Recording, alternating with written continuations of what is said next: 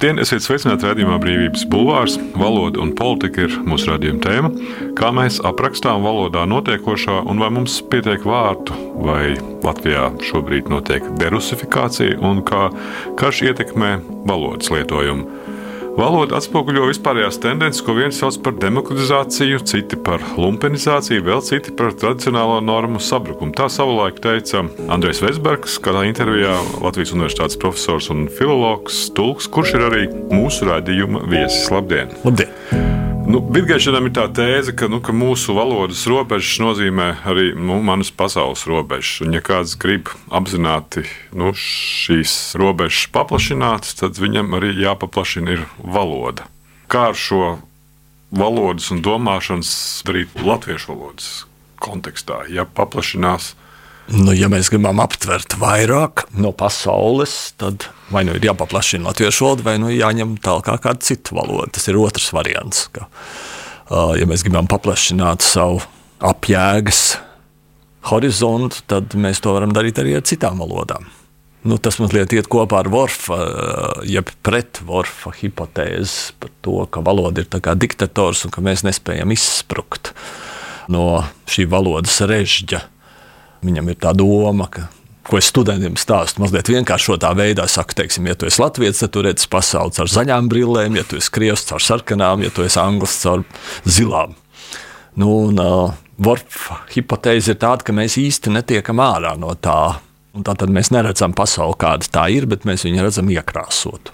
Uh, savukārt, uh, ir interesants jautājums, bet, ja tu zini vairākas valodas, ar kādām brillēm tad tu skaties? Nu, tad tu skaties ar visām, jeb varbūt tu redzi daudz vairāk. Bet, ja atgriežamies pie latviešu valodas, nu, ja mums trūkst vārdu, jaunie vārdi ir jādarina.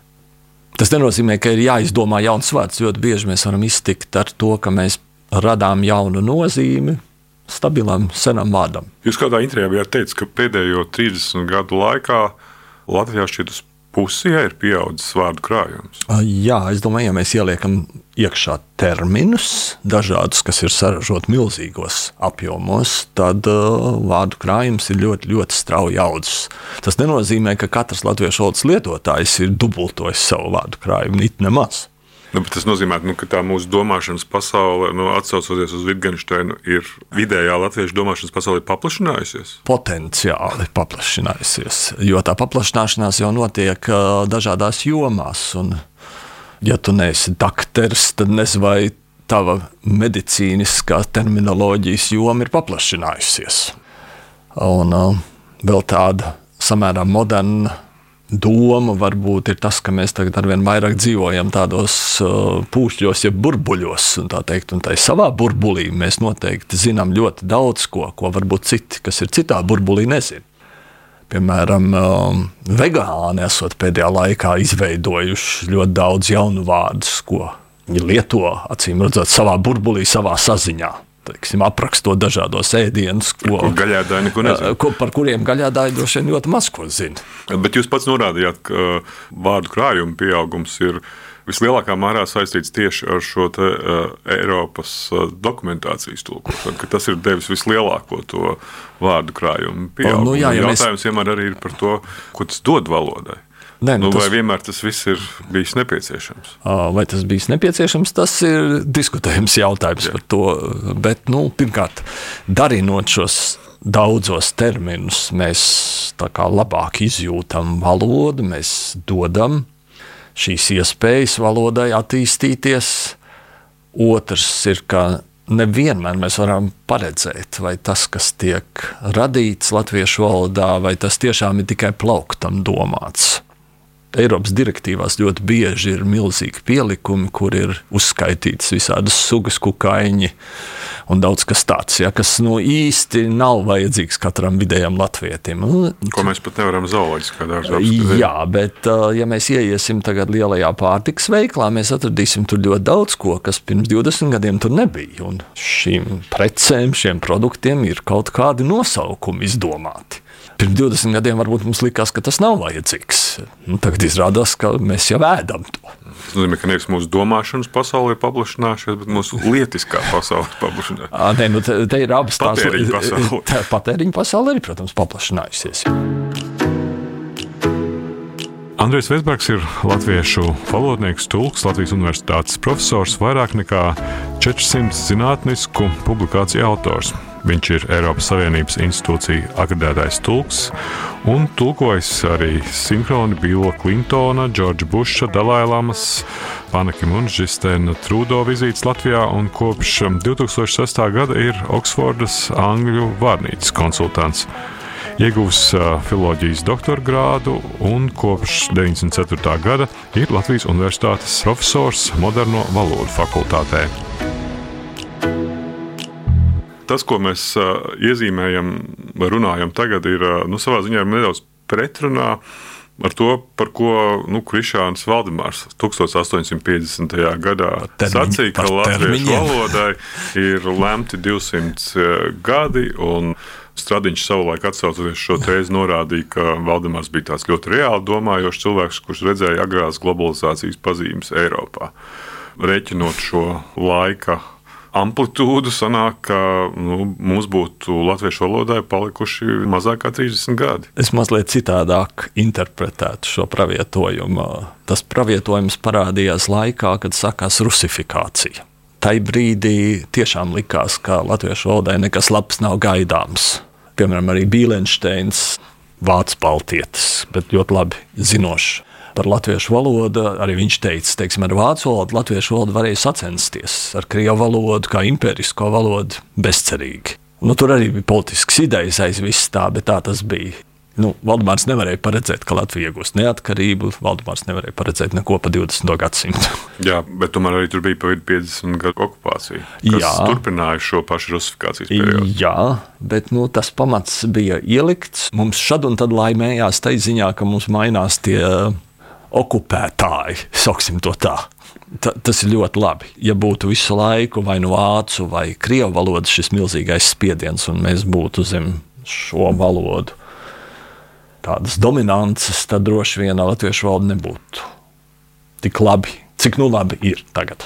Skatījos, jūs bijāt nu, vēl prezidenta vējoņa laikā aicinājis valsts amatpersonas, nu, vismaz mēdījos, runāt Jā. latviešu. Nu, tomēr šis periods nu, neguva atsaucību, jo tā, nezinu, tā ir inerce vai kas, ka sabiedrībā turpinājās tas, kas ir bijis, vai, kā, vai tā ir kaut kāda latviešu mentalitātes īpatnība? Nu, mums ļoti lēni tas process gājis. Faktiski no 2000. gada, kad tika izveidota valodas komisija, valodas komisija visu laiku nāca ar dažādiem priekšlikumiem. Nu, tur tā kaut kas mazliet pavirzās, kaut kas atkrīt, kaut kas mazliet pavirzās, kaut kas atkrīt. Kaut kāds progress jau bija. Nu, tagad, mēs varam pateikties Puķinam par to, ka diezgan ātri ļoti daudzas lietas, kuras vajadzēja sakārtot varbūt jau pirms 20 gadiem. Tā tās, tās tika sakārtotas tagad, dažu mēnešu laikā. Jo tas bija apbrīnojami, cik ātri nu, publiskā vidē ieviesās īpaši vārdi no ukrāņu valodas, jā, kā Kijava, Harkiva. Jā, jā. Sākumā šķiet, ka tas ir neiespējami. Tas, ne, ne, pie, tas, mēs pieradām. No sākuma arī valodnieki jau pirmajā vakarā ziņoja jā, par jā. Harkivu. No sākuma jau arī valodnieki iebilda pret to, ka nevajag aiztikt. Valodas eksperta komisijā bija uzskats, ka nu, mēs varam pamainīt Ukrāņu vēstniecību nu, tas bija teiksim, pirms lielā kara, bija aicinājusi tur uh, pārveidot, ukrainizēt, sauksim tā. Uh, dažādas vārdus, un mēs tā kā piekritām tādiem mazāk zināmiem, bet tos lielos pilsētu nosaukumus tos negribējās mainīt. Un tagad aizgāja karš, tas ļoti ātri notika. Mēs tagad laikam esam pieraduši jau pie tā. Kas attiecas uz angļu un krievu valodu, vācu, franču un citu valodu prasmi, jo augstāk zinātāju procents, jo labāk.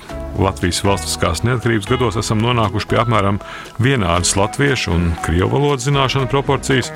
90. gadā latviešu valodu mūsu valstī zināja apmēram 20% citautieši. Ja tagad valodas protēju skaits ir izaudzis līdz 90%, tas ir labs rezultāts. Domāju, ka valsts politikas rezultātā šis skaitlis vēl vairāk kāps. Mūsu agrīnās prognozes bija, ka krievu valodas zinātāju skaits samazināsies līdz pat 70%. Tie ir arī psiholoģiski aspekti latvieši, kuri savā valstī ir mažoritāte, joprojām jūtas kā minoritāte un situācijās, kad ir izvēle starp valodām, latvieši pāriet uz krievu valodu kontaktos ar citautiešiem. Latvieši ir pieklājīgi un piekāpīgāki nekā citautieši. Tāpēc uh, valodas komisija un valodas centrs aicina mūsu amatpersonas Latvijā runāt latviešu. Tas būtu labs piemērs. Tā 2015. gadā aģentūrai Leta norādīja Andrejs Veisbergs. Jums arī pieder tā tēze, ka, nu, ja bija 50 okupācijas gadi, tad apmēram ir vajadzīgi pēc šī perioda vēl 50 gadi, lai mēs atgrieztos Jā. tajā stāvoklī, respektīvi 1940. gada latviešu valodas nezinu, komforta līmenī. Komforta no... līmenī jā, nē, tajā valodā mēs vairs neatgriezīsimies. Daži gribētu, protams, ļoti atgriezties tajā 1940. gadā, bet nu, tas laikam nav iespējams. Man ir mazliet statistika par jauniešu slengu, un tas ir par jaunvārdiem Tātad tas nav kāda cilvēka vārda, tiek lietot jauniešu saziņā, nu, teiksim, slenga līmenī, jo tur tas procents būs citādāks, bet par jaunvārdiem. Un tur tagad procents ir 96% ir angļu.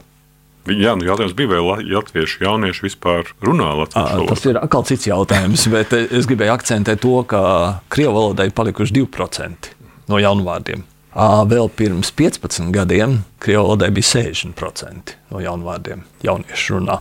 Protams, mēs varam atkal uztraukties, ka tagad mums angļu valoda brūk virsū. Tam var piekrist. Bet uh, ir ļoti labi, ka ir notikusi atkal kārtējā nomaiņa. Mums tās nomaiņas ir tādas regulāras. Tad, tad vācis, tad krievis. Viņš nu, tagad valodu varētu prognozēt nākamajā ķīniešu. Jā, nu tas ir interesants jautājums. Es nevaru prognozēt. Kaut kur lasīt, ka jums nepatīk, kā vārds industrija ir Uh, nu, man nepatīk, ka vārds industrija tiek Kino lietots uh, tādā ļoti plašā nozīmē, ja, kur dažreiz tā ir nozare, dažreiz tas ir kaut kas cits. Tāpat kā produkts tagad lietots pa labi, pa kreisi. Ja, nu, pilnīgi viss ir produkts. Ja.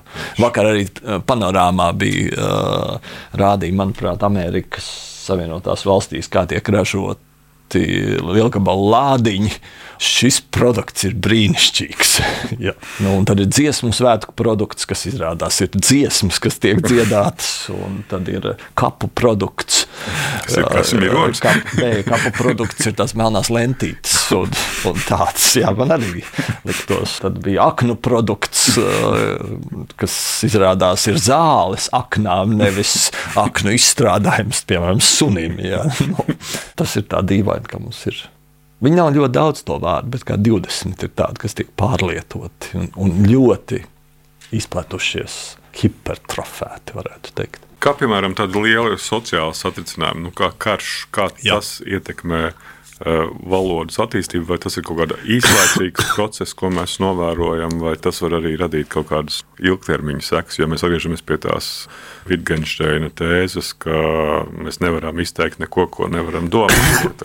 Nu, Ukraiņas karš, es nedomāju, nopietni neietekmē latviešu valodu, jo mēs jau neesam šeit karā cieši iesaistīti.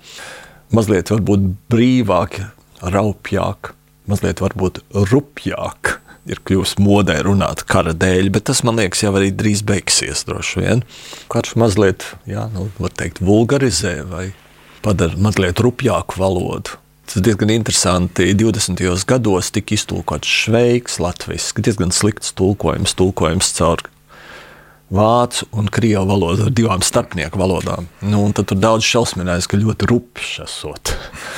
uh, nu, šveiks oriģināli arī starp citu ir ļoti rupjš. Tas daudz... ir tulkots pēc Pirmā pasaules kara. Jā. Jā.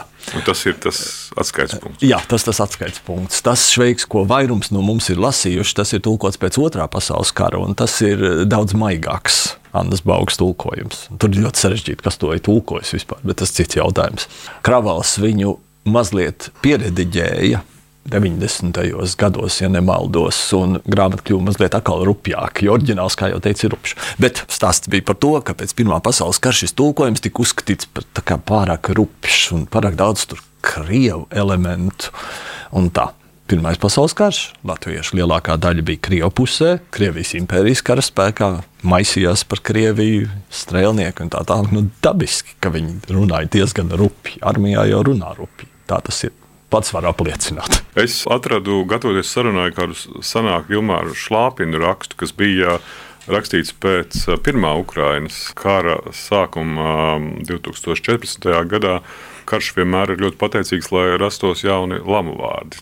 Atklāta kardarbības uzsākšana vienmēr izraisa jaunu ķēngu vārdu rašanos. Un, Šlavins bija izpētījis, ka pārsteidzošā ātrumā tolaik Krievijas-Ukrainas konflikta pirmajās nedēļās parādījās apzīmējums, ka krievu šovinisti Ukrāņus sāk dēvēt par ukropiem. Respektīvi, agrākais hohal bija jau aprasts, un tas tulkojumā nozīmēja nu, šie ukropi dille, kas skaniski tuvāks vārdam urodu kroplis.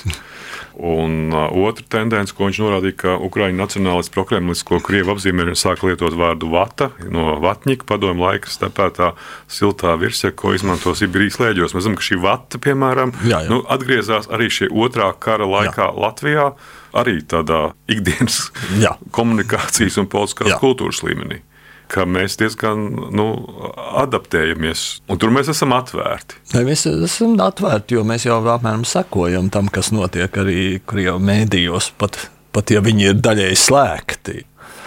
Mēs jau to tur arī redzam. Un tāpat savukārt ir Ukraiņas kanāli, kur droši vien laika pa laikam parādās šie vārdi. Es neteiktu, ka latviešu valodā ir pēkšņi ieplūdis milzīgs slamu vārdu slānis saistībā ar karu. Tā nu nav, bet kaut kāda atsevišķa vārda, protams, ir parādījušies. Vēl interesanta lieta ir par to, ko mēs vispār sākam saprast ar dažādiem terminiem. Nu, teiksim, es pat labi taisni ar to mazliet nodarbojos. Tad, Ko cilvēki īsti saprot ar vārdu liberālis un liberālisms šodien? Ir ļoti, ļoti atšķirīgs nostājs. Viens un tas pats vārds, viens un tas pats jēdziens. Bet... Nu, Liberālists un naciķis jau ir iegājis tā jā, tādā jā, jā, jā. normālā politiskās kultūras valodā. Jā, tas pat jā. nav vairs lamu vārds. Vai ķēngu vārds, vai kā mēs sakām? Nu, jā, bet nu, tur kat, katram tur ir sava izpratne par to. Un, protams, apskaukāties ar varu. Nu, ir, ir jau tāda es aizmirsu, kā viņi sauc, vai Gudvins vai Hodvina hipotēze tāda, ka, kad jebkurš politiskais disputs nonāk līdz vārdam Hitlers vai nacists, tad ir laiks beigt. Jo... Radījums Brīvības Bulvārs. Sarunas par to, kas notiek un ko mēs par to varam domāt. Jūs norādījāt savulaik intervijā dienai, ka Putina režīms jau ļoti konsekventi kopš 2004. gada nu, sāk strādāt ar valodu, ar konkrētiem Jā. vārdiem, konotācijām. Un, respektīvi, valoda kļūst ļoti konsekventi par nu, totalitārisma instrumentu. Jautājums ir, vai mēs esam imūni vai pasargāti no šī instrumenta. Nu, tā, ka mēs ilgu laiku dzīvojam arī šajā informācijas telpā, un arī tā mūsu krievu valodā runājošā sabiedrības daļa. Jo nu, kaut vai tas pats Klemperers, man liekas, cik tur bija 30 gadus pēc otrā pasaules kara beigām, bija šokēts runājot ar, ar vācu jauniešiem, ka viņi domā vai ir palikuši tajā pašā trešā reika valodas struktūrās. Ne, nu, valodas struktūrām, protams, ir nu, totalitārie režīmi ļoti labi var izmantot, tā kā viņi spēj kontrolēt Saz... tām brillēm, ko jūs stāstāt. Jā, šo saziņu tad viņi var mainīt vārdu nozīmi, izmantot to. Nu, Krievijā konsekventi ļoti daudzus gadus parādījās arī pilnīgi oficiāli tas vārds aģents. Visur. Man reizēm liekas, ka Puķins teikt, ar savu KGB pagātni, ja tā teikt, ka viņam, Viņa viņam visur ir provokācijas un aģenti. Ja tā teikt. Bet, nu, šie vārdi tiek ļoti aktīvi lietoti. Tātad nu, vārds aģents nav īsti patīkams. Ja? Nu, oficiāli lietojot konkrētās nozīmēs, tā teikt, tiek ielikt negatīva konotācija. Bet arī diezgan neskaidri, jo es esmu runājis Jā. ar vairākiem cilvēkiem, kuriem ir šis aģents status ārvalstu aģentu status. Es viņam esmu jautājis, ko tas īsti nozīmē, un viņi neviens tā arī nevarēja atbildēt. Nē, nē, viņš nav no, labi noformulēts. to Hanna Arendt dažreiz ir teikusi, ka viņai vairāk par visu teiksim, fašismā ir licies tas, ka īsti nav skaidrs, ko tas vārds nozīmē, bet viņš ir briesmīgs. Jā. Arī tā pati inomarka, ja Krievijas ziņās, ja tika nobraukts kāds cilvēks, Maskavā vai kaut kur tādu, un ja to ir izdarījusi mašīna, kurai ir ārzemju ražotāja nosaukums, pat ja tā ir ražota Krievijā, jā, tad vienmēr tika teikts, ka Inomarka ir nobraukusi šo cilvēku. Tad ir skaidrs, ka ārzemju mašīnas ir bīstamas. Bet tas laikam vairāk būtu uz latviešu valodu, kā, vai kara laikā valoda radikalizējas. Jo mēs redzam, ka nu, ja cilvēki mēs... radikalizējas, tad arī valoda mazliet radikalizējas. Jā. Jo tas, ko mēs šobrīd nu, varam formulēt, ka ir kaut kāds karš pret valodu sācies Latvijā. Pret krievu valodu. Krievu valodu jā. À, nu, zināms, nu, tā varētu teikt. Notiek zinām vēršanās pret to. Jo nu, valoda ir daļa no ienaidnieka ekipējuma, sauksim to tā. Līdz ar to tas nav nekas ārkārtējs. Ka... Tā ir normāla pretreakcija. Vai Latvijā ir kaut kādi vēsturiski nu, līdzīgi periodi bijuši, ja mēs nu, šo pašu atkrievisko Latviju nu, meklētu analoģijas kaut kādas vēsturiski. Tulkotā literatūra līdz Pirmā pasaules karam ar mazliet krītošu tendenci, bet lielā mērā ir balstīta uz vācu literatūras vai tulkojumiem no vācu valodas.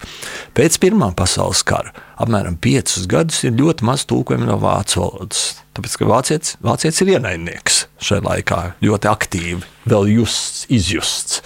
Nu, tā tad um, šī iemesla dēļ vācu valoda tiek atgrūsta pēkšņi notiek ļoti strauji tiek meklēts, nu, kura tad būs tā valoda, ar ko mēs tagad kontaktēsimies. Tur ir itāļi, tur ir angļi, tur ir franči.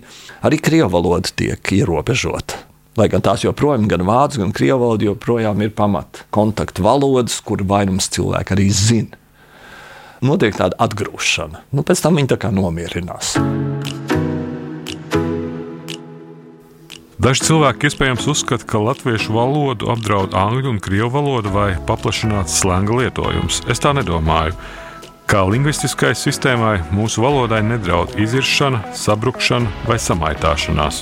Tā savulaik intervijā Latvijā stāstīja Latvijas Universitātes profesors Andrejs Veisbergs.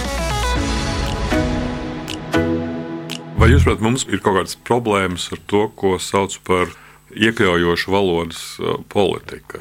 Tas, kas ir populārs rietumos, nu, kurus samērā veiksmīgi adaptējās, mums mēs ik pa laikam nonākam tādā problēma telpā. Mēs savulaik studijā runājām ar mākslas muzeja direktoru Māru Lācu par to, kādas viņiem bija problēmas ar Vācu gleznotāju Vilhelmu Tīma gleznu nēģeru galvu un kādas diskusijas izraisīja, ko tagad ar to iesākt un tam līdzīgi. Kā latviešu valoda izskatās šajā iekļaujošās valodas politikas kontekstā, un vai mums būtu nu, jāmainās attiecībā nu, sociāli antropologi pirms saka, mums pat ir jāpārskata mūsu īpašais varoņu stāsts par Tobago šajā te, nu, dekolonizācijas aspektā un tam līdzīgi. Kā ir ar šo iekļaujošo valodu? Bet tas būs ļoti subjektīvs spriedums. Man liekas, ka ar to nevajag pārāk aizrauties. Bet es zinu, ka cilvēkam tas liekas ārkārtīgi svarīgs. Jautājums ir cilvēki, kas uzskata, ka tagad latviešu valodā ir jābeidz ar dzimtēm nodarboties, ir jāmēģina kaut kas atrasts. Jo mums ir šīs divas dzimtas, bet tagad pasaulē modernā tendence, ka ir dzimšu daudz vairāk. Arī valodā. Arī valodā. Bet es saprotu, ka ir valodas, kurās pirms bija jāatrisina arī šis divu dzimšu jautājums. Nē, nu, nu, protams, valodā lingvistiskās dzimtas var būt ļoti daudz, vai arī var nebūt vispār. Un varbūt kaut kāds dažādi starposmi, ja tā teikt. Bet jautājums ir par to, par cilvēku dzimumiem. Ja šīs lietas tiek sajūgtas kopā, un zināmā mērā angļu valodā tas notiek, un tā kā mēs orientējamies uz visu, kas notiek angļu valodā, kas nebūtu nav obligāti, manuprāt, tad arī latviešu valodā daži cilvēki saka, ka ir ļoti slikti, ka tur ir viņš un viņa, ka vajag izdomāt kaut kādu neitrālu vietnieku vārdu, un ka mēs ņemam no galotnes lietvārdiem, bet mūsu dzimšu sistēma ietekmē ne tikai lietvārdus un vietnieku vārdus, bet arī vispārējo, arī divu dabujus un uh, īpašības vārdus. Un uh, es, es neredzu nekādu jēgu iejaukties šajā sistēmā. Jūs domājat, ka mums vienkārši ir uh, valodā vārdi, kurus mēs varam atrast, lai to apzīmētu. Nu, kā teica savulaik Ulrichs Bērziņš, sliktam dejotājam pat bikšu stari traucēja uz jautājumu, nu, vai mums ir par maz vārdu. Mums vārdu ir pietiekami daudz. Latviešu valodā var pateikt praktiski visu. Ja nevar kaut ko pateikt un trūkst konkrētu vārdu, protams, to var aprakstīt ar vārdu kopu vai kaut vai ar teikumu. Tas, protams, nav ērti, ja šis vārds vai jēdziens ir vajadzīgs un populārs, bet tad agrāk vai vēlāk parādīsies vārds. Bet jaukties iekšā valodas sistēmā un uzskatīt, ka daži vārdi ir dzēšami un to vietā jāliek ir citi vārdi, nu, tur mēs ieejam atkal tajā riņķa dejā. Kā tas notiek ar eifēmismiem, kas vienmēr ir bijuši un vienmēr ir mainījušies. Īpaši man nepatīk tā politiskā pieskaņa šim jautājumam, ka tā tas ir noteikti jādara. Tas ir diezgan individuāls jautājums. Ja man nepatīk kāds vārds, tad es nelietoju šo vārdu, un es lietoju citu vārdu. Bet jūs lietojat vārdu nēģeris? Es lietoju vārdu nēģeris, un es neredzu nekādas vainas vārdā nēģeris. Vai nēģeriete? Tāpat arī ar žīdu. Žīdi ir mazliet sarežģītāk kā nēģeri, jo nēģeris nekad nav nekur definēts kā kaut kas negatīvs vai aizskarošs. Žīds 50 gadus Krievijas valodas ietekmē tika iekrāsots kā slikts vārds. Un kas vairāk ir Krievijas vispār? Un tas ir, tas, tā, tā ir Krievijas telpā. problēma. Tā ir Krievijas problēma. Jā, bet viņi diezgan veiksmīgi viņu padarīja par Latvijas problēmu. Protams, ka viņi varēja. Jā, jā. Nu, 50 gadi paies, varbūt mums vairs nebūs šī problēma. Brīvība, robežas, personība, vara, tauta, ideja, viedoklis, nākotne, dzīve un attieksme. Radījums Brīvības Bulvārs. Mēs arī šeit studijā esam runājuši ar politologiem, ka viena no tām demokrātijas funkcijām ir, ka mūsdienu politiķi būtiskāk ir nevis kaut ko darīt, bet kaut ko pateikt un runāt dažkārt, un ļoti lielā mērā gadījumā. Jūs esat uh, tulkojis, es skatījos Billu Clintonu, Džordžu Bušu, Dalēlāmu, Panukim un šis te nu, Trudoja. Tā kā, kā jūs redzat šo publiskās runas telpu Latvijā? Nu, ne visi no viņiem ir izcili runātāji. Džordžs Bušs nebija izcils runātājs katrā No tulkotāja skatu punkta. Ne no tulkotāja skatu punkta, bet viņu bieži vien smējās, ka viņam tāda neloģisma ir stārā. Nu, Bet brīži- Trumps bija lielisks orators. Nu, tra, Trumps ir ļoti dīvains or- orators. Viņš ir tāds uh, Twitter tipa orators, ja, saka, kas izspļauj dažādus vārdus, bet ļoti daudziem cilvēkiem tas patīk, acīm redzot. Eiropas parlamentā arī tagad ir tāds trakais pārīts, divi īri komunisti, kas runā nepārtraukti. Un, uh, Viņi nav īsti slikti runātāji, viņiem arī ir sava loģika, bet, nu, protams, viss tas stāsts ir diezgan briesmīgs, bet nu, ar milzīgu entuziasmu tas tiek stāstīts. Tas ir otrs aspekts, kas daudziem patīk. Nu, un tad vēl ir sensācija kāre. Tagad ir tā kā modē gandrīz, vai, lai piesaistītu uzmanību, vajag pateikt kaut ko tādu spēcīgu. Nu, plus vēl saprotamība. To arī jūs ka Tā jā. ir viena no mūsdienu politiskās retorikas problēmām - saprast to, ko tu pats saki. sanāk. Cilvēki runā ar vien nesaprotamāk, bet nu, cilvēks varbūt var saprast arī to, ko viņš vai viņa saka, bet tas nenozīmē, ka otrs saprot tieši to pašu. Tas ir vispār tāds. Bet kaut kā pasaule nesabrūk. Nē, nu. pasaule nav sabrukusi. Acīm redzot, mūsu saprāšanas spējas ir diezgan lielas, par ko liecina arī tas, ka mēs saprotam tekstu, kurā varbūt kaut kādus elementus vis, vispār nezinām, bet mēs saprotam. Var gan rakstiskā tekstā, gan mutiskā tekstā nomainīt kādus vārdus vai lietot kļūdaini, bet cilvēks smadzenes ļoti labi saprot kopā. Labāk nekā mākslīgais intelekts pagaidām. Skatīsimies, kas būs nākotnē. Man ar mākslīgo intelektu ir ļoti dīvainas attiecības. Es īsti nesaprotu, nu, teiksim, dažādos portālos parādās dīvainas lietas dažreiz. Vai tās ir radījis mākslīgais intelekts, vai tās ir radījis cilvēks, es nevaru pateikt. Piemēram, pavisam nesen bija kaut kur rakstīts, ka kaut kas ir atredzēts. Es tā kā izlasot to mazo gabaliņu, sapratu, ka tur ir domāts, ka cilvēks ir atskatījies. Tas, ko mēs agrāk saucam. Tas, ko mēs normāli saucam, atskatījies. Tātad es esmu skatījies, man tas jau viss ir apnicis. Ja? Tātad es esmu to atskatījies. Kāpēc tur ir parādījies atredzēts? Es neredzu tur ne angļu, ne krievu valodas, tā kaut kāda ietekme, ko, ko mašīna tulkojumā varētu paredzēt. Varbūt tas tulkotājs ir tomēr bijis cilvēks, viņš vienkārši ne, nezina to vārdu. Bet mēs pētām šo fenomenu šobrīd par to, vai šādi pētījumi vispār notiek. Īsti nē, īsti nē. Nav vajadzība. Nē, vajadzība būtu droši vien. Jā. Mēs galvenokārt nodarbojamies nevis ar to, ka mēs pētām rezultātu, mēs pat labāk konstruējam tās schēmas, pēc kā tas notiek. Jā. Vēl nav laiks, varbūt pienācis. Vēl nav pienācis laiks, tā teikt, paskatīties, cik labs tas rezultāts ir. Paldies! Tas bija Latvijas Universitātes profesors Andrejs eh, Veisbergs, mans vārds Gins Grūbe, rādījuma ierakstīja Toms Šits un Monteja Nora Mitspa. Paldies! Brīvība ir brīvība, nevienlīdzība vai taisnīgums, vai kultūra vai cilvēks laime. Tā teica Iesai Berlīns. Sarunas ar brīvas apziņas un ideju cilvēkiem raidījumā Brīvības Bulvārs.